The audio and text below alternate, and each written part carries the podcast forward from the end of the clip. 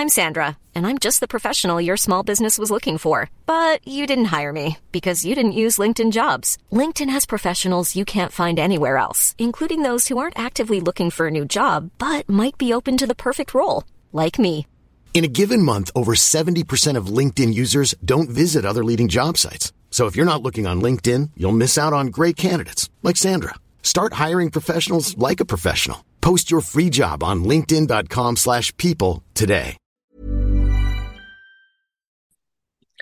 Halo pendengar ganteng-ganteng Manchester United Podcast, kembali lagi bersama kita berdua ada Sawong dan Alvin di sini. Dan ternyata setelah kita berdua berkeluh kesah mempasrahkan diri kepada yang maha kuasa dan juga dewa sepak bola sudah ini ya apa namanya sudah legowo lah bahwa kita mungkin akan dibantai 7-0 lainnya ternyata ternyata United bisa tampil solid di Anfield man Ya. dan em, kita jadi satu-satunya tim musim ini yang berhasil menghentikan rekor kemenangan Liverpool di Anfield Hmm. sampai menggagalkan mereka untuk cetak gol gitu. Menurut lo Vin, apa yang apa yang membuat United ini tampil berbeda dari sebelum-sebelumnya?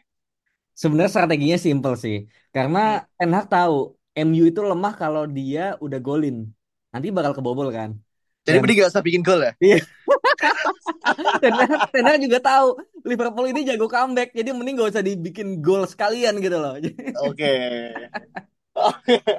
Gimana, maksudnya gimana caranya mereka mau comeback kalau mereka ya bikin gol nggak bisa kan? Iya gitu. Gitu. Itu Golinnya nggak bisa kan? Iya.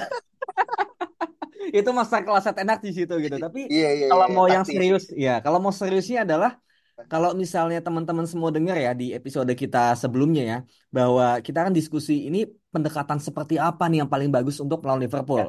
Dan jawaban kita adalah, gue ingat banget jawabannya adalah kita main compact, gak usah pressing terlalu keras, dan kita prefer mid atau low block aja gitu. Intinya kita bertahan gitu. Karena kalau kita pressing, kita tuh pressing jelek gitu. Jadi pasti bakal jadi bulan-bulanan. Dan kalau kita nyerang juga bakal jadi bulan-bulanan. Sedangkan yang kita butuhkan sekarang adalah jangan sampai kita hancur lebur di Ya. pertandingan ini. Main jelek bodo amat karena ini udah masalahnya lebih kepada gengsi daripada em, apa namanya poin itu sendiri gitu. Jadi Betul. menurut gua sekarang kita dengan hasil seperti ini ya ini kita mempermalukan Liverpool sih menurut gua gitu. Betul. Fans-fansnya itu udah pada ngamuk sih menurut gua dengan skor 0-0 ini gitu. Betul. Betul. Dan arogansinya itu kelihatan ya. Eh, ketika Van Dijk bilang kayak ya kalian bisa lihat sendiri salah satunya tim yang berjuang untuk menang itu siapa gitu. Kayak Hmm. lo nggak lihat chance-nya Garnacho, nggak lihat chance-nya Højlund ya kan. Bahkan kayak kita punya strikernya midfieldnya tuh nggak ada yang bisa kasih servis. Masih bisa hampir cetak gol loh men. Hmm.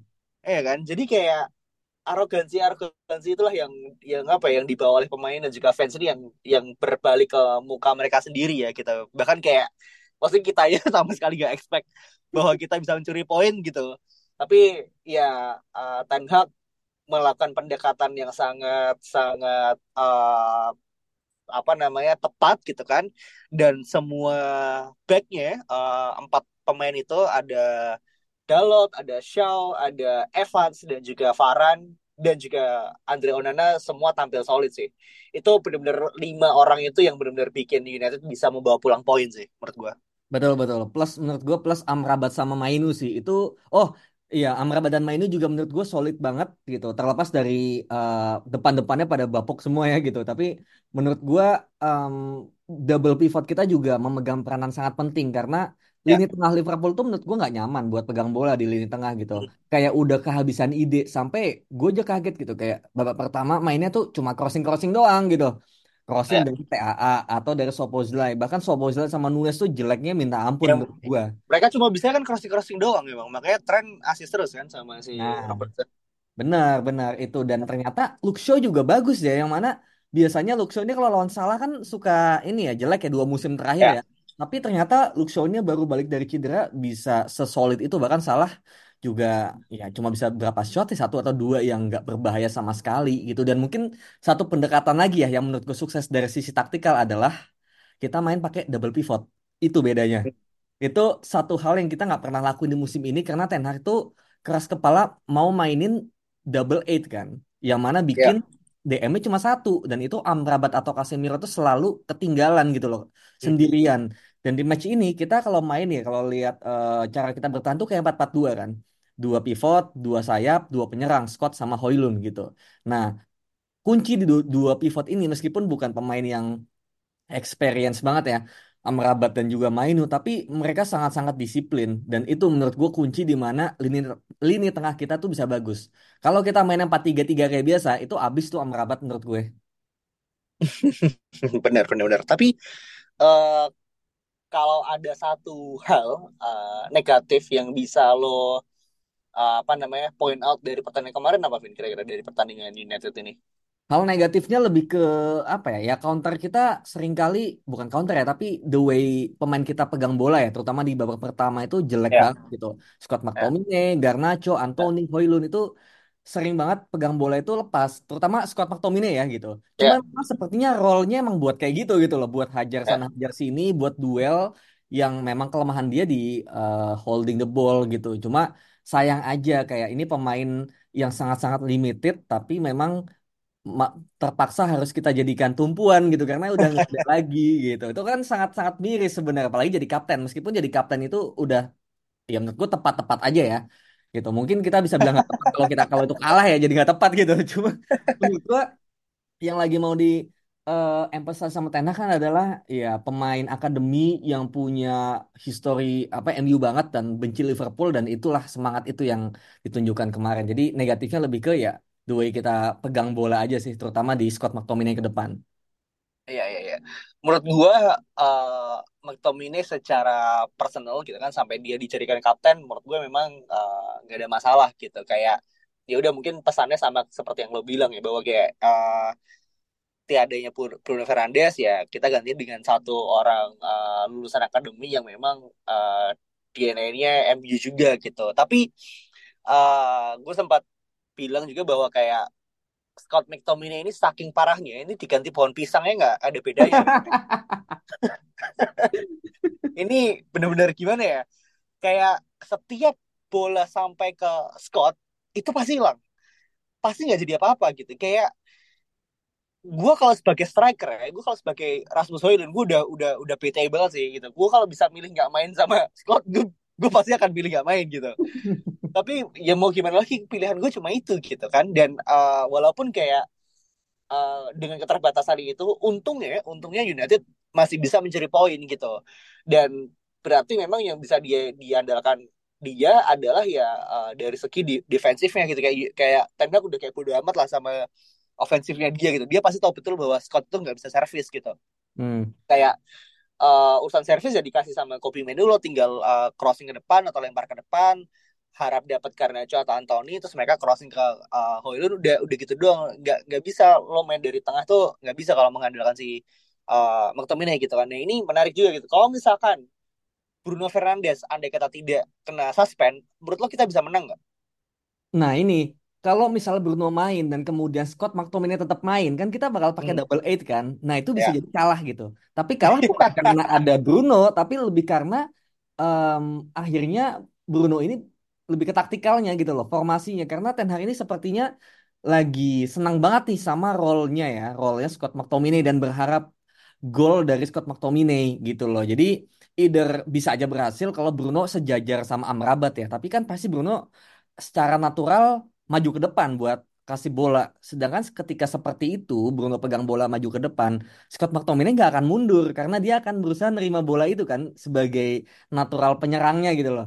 Gitu. Dan itu bikin Amrabat jadi sendirian. Jadi menurut gua Bruno ini nggak akan pernah bisa disiplin sebagai double pivot bareng Amrabat dan itu bisa bikin kita kalah karena ketika kita kena counter kita cuma tinggal Amrabat doang. Jadi bisa dibilang kalau misalnya Bruno main ya Scott McTominay nggak main gitu aja. Sayangnya Tenak sepertinya nggak kayak gitu. Jadi bisa jadi kemungkinan besar malah kalah sih kalau Bruno main. jadi mitos Bruno Fernandes menghilang di setiap big game itu masih masih ada ya sebenarnya. Iya, lainnya menghilang juga kan? Iya, ini menghilangnya sampai nggak ikut nih. Tapi ya, uh, gue gue juga sempat berpikir hal yang sama sih. Kalau misalkan kayak Bruno Fernandes tetap main uh, dengan formasi yang sama, gitu kan, dengan mungkin uh, passing-passing ajaibnya itu malah rawan blunder sebenarnya gitu. Kayak sementara United berusaha untuk tetap compact dengan passing-passing pendek.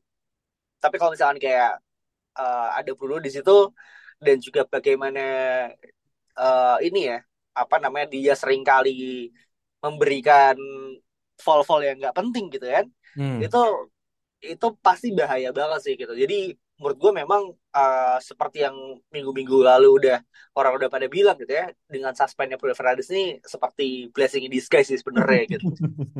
Iya iya iya benar-benar. Kayak gitu dan um, kembali lagi ke urusan striker juga ya apa boleh buat gitu kan. Gue jujur juga merasa sedih gitu sih karena melihat Darwin Nunes yang sangat ya. uh, ini ya apa namanya aktif gitu kan dia banyak pegang bola banyak call up play gitu kan. Terus kayak apa namanya sering ikut berpartisipasi dalam serangan itu itu sungguh pemandangan yang bikin iri ya sebenarnya hmm. gitu. Kayak hmm. kenapa United nggak bisa seperti itu gitu? Kayak sebenarnya apa sih yang mau diinginkan oleh Ten Hag itu terhadap si Rasmus Højlund gitu? Kayak kalau memang misalkan dia nggak bisa kasih service ya bisa nggak sih dia disuruh turun atau mundur gitu untuk pegang bola lebih banyak gitu kan tapi nyatanya game kemarin pun juga nggak dia lakukan gitu jadi gimana ya kira-kira Evin ya kayak uh, agar bisa Rasmus Højlund Hey, I'm Ryan Reynolds. Recently, I asked Mint Mobile's legal team if big wireless companies are allowed to raise prices due to inflation. They said yes. And then when I asked if raising prices technically violates those onerous two-year contracts, they said, "What the f*** are you talking about? You insane Hollywood ass." So to recap, we're cutting the price of Mint Unlimited from $30 a month to just $15 a month. Give it a try at mintmobile.com slash switch. $45 up front for three months plus taxes and fees. Promo for new customers for limited time. Unlimited more than 40 gigabytes per month. Slows. Full terms at mintmobile.com. Hiring for your small business? If you're not looking for professionals on LinkedIn, you're looking in the wrong place. That's like looking for your car keys in a fish tank. LinkedIn helps you hire professionals you can't find anywhere else, even those who aren't actively searching for a new job but might be open to the perfect role. In a given month, over 70% of LinkedIn users don't even visit other leading job sites. So start looking in the right place. With LinkedIn, you can hire professionals like a professional. Post your free job on linkedin.com slash people today. Ini kita bisa maksimalkan gitu, kayak sedih juga sih karena ini striker 75 juta pounds hmm. dan sampai ke game match berapa 16 ya ini ya atau 15 ya. Iya. Ya. Ini nggak ada goal sama sekali, Bro. Iya, yang menurut gue sih gue masih kasih banyak benefit of the doubt ya. Um, oh, benefit ya. of the doubt lo banyak juga ya kalau ini deh. ya karena karena gue melihat gitu kayak um, peluang Hoylun ini memang nggak banyak gitu. Bahkan udah ada statistiknya kan bahwa Hoylun ya. ini uh, pen, adalah striker yang menerima bola paling sedikit gitu dan yeah. dia masih raw banget ya masih di bawah 21 tahun. Jadi dia masih belum bisa secara stabil gitu. Kalau misalnya dia di lingkungan yang stabil, dia mungkin bisa gitu untuk uh, producing something gitu. Tapi MU aja lini tengahnya ganti, ganti-ganti mulu. Sayapnya juga ganti-ganti mulu, ruang ganti lagi berantakan gitu. Jadi ini menurut gue banyak masalah-masalah selain daripada teknis dan formasi gitu loh. Ditambah dia juga awalnya cedera kan pas nyampe. Kemudian tengah-tengah kemarin sempat cedera beberapa match juga gitu. Jadi gue gue masih kasih benefit of the doubt satu musim sih buat Hoylund gitu. Nggak nggak ada masalah meskipun secara statistik di liga jelek banget. Kemudian kayak dibully di mana-mana, gue nggak ada masalah karena seperti yang kita bilang di episode Rasmus Winter Hoylund is coming ya. Uh-huh bahwa kita 85 juta ini adalah investasi jangka panjang. Bahwa gue juga pengen Osimhen, Harry Kane itu iya gitu. Kalau misalnya mereka yang yang flop, gue masih masih hmm. mungkin bakal beda reaksinya. Yaitu gue marah gitu karena mereka experience striker. Tapi ini kan Hoylund yang masih di bawah 21 tahun gitu. Kayak what do you expect? Harga itu kan lebih kepada deal-dealan antar klub kan. Bukan value sebenarnya dari penyerang ini gitu. Ini penyerang ini tuh cuma kasarnya mungkin korban dari deal-dealan yang tidak bagus gitu. Jadinya imbasnya ke situ gitu dan dan di Liga Champions kan dia juga bisa membuktikan gitu. Setidaknya bahwa ketika ada peluang dia bisa golin gitu. Sekarang ke kemarin peluang dia cuma satu gitu yang one on one dan oke lah memang dia apa ya bisa harusnya melakukan lebih baik lagi. Tapi kayak men itu lu kayak baru satu peluang sepanjang pertandingan lu baru dapat bola kemudian dapat one on one sama siapa Ellison di weak footnya lu dan dibayangi tiga penyerang ya menurut gua kayak itu kita dapat peluang aja udah bagus gitu loh. Jadi gua sooner or later Hoylund bakal golin dan kayak waktu itu kita prediksi 15 gol ya di semua kompetisi gitu. Masih sisa 10 ya masih kurang 10 nih. 10 lagi nih mana eh, Karabau udah gak ada kan? Gitu. mungkin gue nggak tahu mungkin di friendly match mungkin ya kalau kita bisa bikin nanti gitu. Jadi gue ya, close door lah close door. iya iya iya. Uh, Rasmus Hoylund gue nggak ada masalah tinggal kita sabar aja gitu. Ya ini uh, gambaran kalau Halan jadi ke MU ya. Kira-kira iya, seperti iya, iya, iya. nasib ya benar benar. Tapi nggak apa-apa karena uh, bahkan Darwin Nunes pun di musim pertamanya juga flop ya sampai banyak yang bikin meme segala macam gitu sampai akhirnya dia bisa nyetel juga pada akhirnya. Kecuali uh, gini bro sorry gue tambahin kecuali misalnya dia banyak peluang depan gawang tapi tendangannya miss. Kena tiang atau melenceng atau apa. Kecuali kayak gitu kan.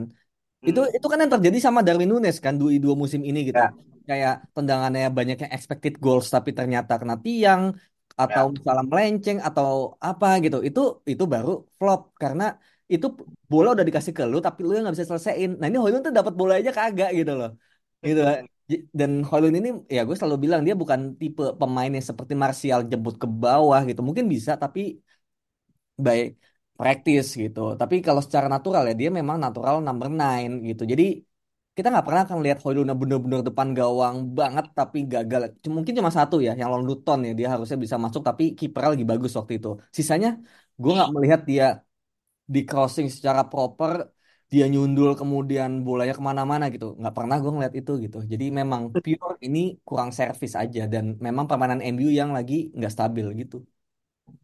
Ya, ya, betul. Dan ngomong-ngomong soal ini ya permainan yang permainan yang nggak stabil ternyata ada satu pemain yang walaupun kayak sering banyak orang bilang uh, dia lagi nggak konsisten dan nggak dipilih oleh Ten Hag itu bahkan sempat dirumorkan apa namanya berantem juga tapi ternyata beliau tampil sangat solid semalam sampai akhirnya mendapatkan man of the match gitu kan um, Rafael Varane hmm. dengan penampilan yang luar biasa menggantikan Harry Maguire ya yang Hmm. harus cedera gitu dan gue jujur ketika Maguire cedera gue kayak wah anjir nih kalah nih pasti United gitu karena um, ya kita nggak pernah tahu kan di di latihan seperti apa gitu dan apakah memang Varane memang sudah drop jauh gitu kualitasnya gitu. Tapi ternyata kemarin dia membuktikan bahwa dia masih layak tanpa ada problem ataupun komplain sama sekali sangat profesional seperti dengan Maguire sebelumnya gitu kan.